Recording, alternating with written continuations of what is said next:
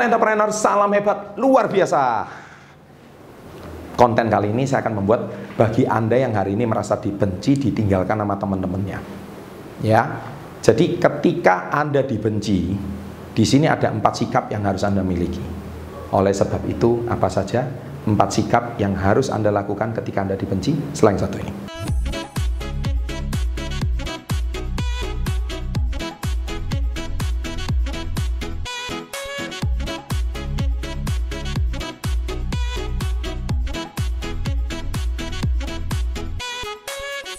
Sahabat entrepreneur, yes, bicara dibenci. Pak Chandra pernah nggak dibenci? Pasti pernah.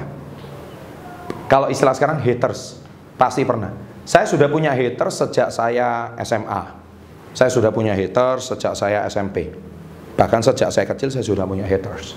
Kenapa saya punya haters? Ya, orang mau cap saya sombong, orang mau cap saya congkak, orang mau cap saya ngesok, itu udah biasa bagi saya selama sesuatu itu saya lakukan bermanfaat untuk orang lain, ada orang tetap tidak suka dan iri sama saya.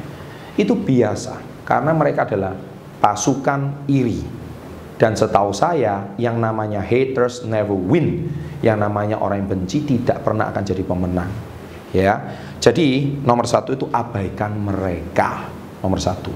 Kenapa Anda harus abaikan mereka? Kalau Anda mikirin setiap kata-kata haters atau orang yang membenci Anda, anda nggak bisa tidur, nggak bisa makan, Anda stres, setiap malam Anda itu kepikiran wajah mereka, dan Anda nggak sepandangan sama mereka, dan intinya orang ini keluarkan dari kamus hidup Anda. Ya, Anda nggak bisa kerja sama sama mereka, ya sudah, mereka memang tujuannya untuk menghit Anda aja. Ya, jadi nomor satu abaikan. Pak, masalahnya mengabaikannya itu sulit. Nah, Anda harus melatih. Anda harus melatih diri. Ya, melatihnya banyak bersyukur. Kenapa harus bersyukur kalau Anda dibenci orang? Ya berarti orang itu menghabiskan waktunya untuk mengamati Anda setiap hari. Dan berarti Anda sudah jauh di depan daripada mereka. Tulis itu di kolom komen. Jadi ketika ada orang membenci Anda, nomor satu berarti orang itu menghabiskan waktunya setiap hari untuk mengamati Anda, padahal Anda sudah jauh di depan mereka. Nah, tulis itu di kolom komen ya. Yang kedua, bangun rasa percaya diri. Orang yang percaya diri itu pasti ada orang nggak suka. Kenapa? Dianggap sok, sombong. Padahal pede sama sombong itu beda jauh. Kelihatannya beda tipis, tapi beda jauh. Karena kalau orang percaya diri itu adalah orang yang yakin, sedangkan orang yang sombong itu tidak yakin. Itu bedanya di situ. Itu udah dua hal yang berbeda. Orang yang sombong itu justru orang yang lemah.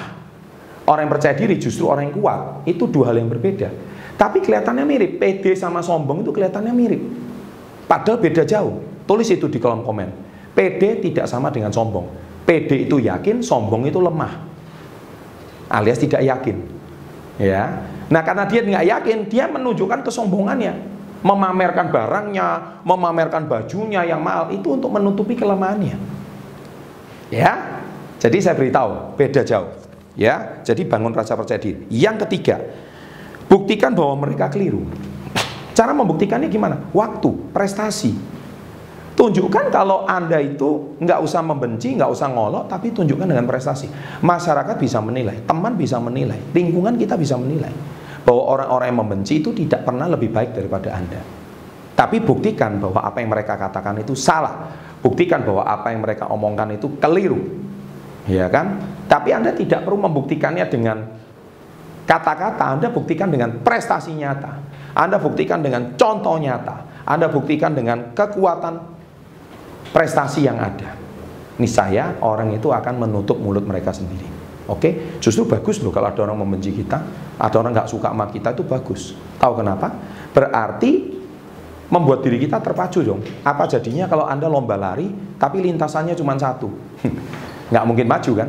Tapi kalau lintasannya delapan kan artinya apa? Uh, kita hari ini harus lebih cepat dari orang di samping kita. Ya kan? Kita harus lebih lari lebih cepat dari orang di samping kita. Karena apa? Ada kompetitor. Jadi kalau ada orang membenci kita, itu biasa. Ya, itu bagus sekali. Dan yang keempat, yang terakhir adalah hindari kekerasan fisik. Karena kekerasan fisik menunjukkan bahwa martabat Anda dan moralitas Anda itu sangat rendah.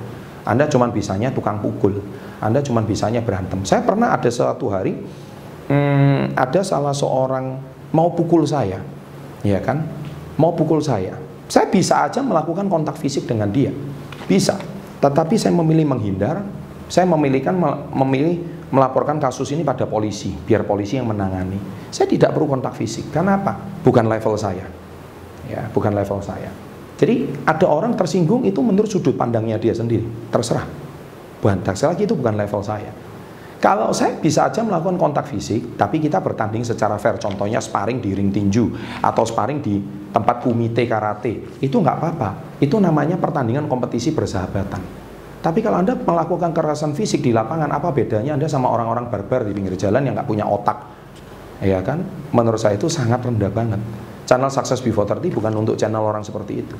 Channel kita itu untuk orang yang terdidik, mau punya edukasi dan level berpikirnya jauh lebih baik. Seperti itu. Ya, dan akhirnya ketika saya melaporkan kasus ini ke polisi, polisi yang menyelesaikan selesai. Gitu loh. Tanpa ada kontak fisik sama sekali.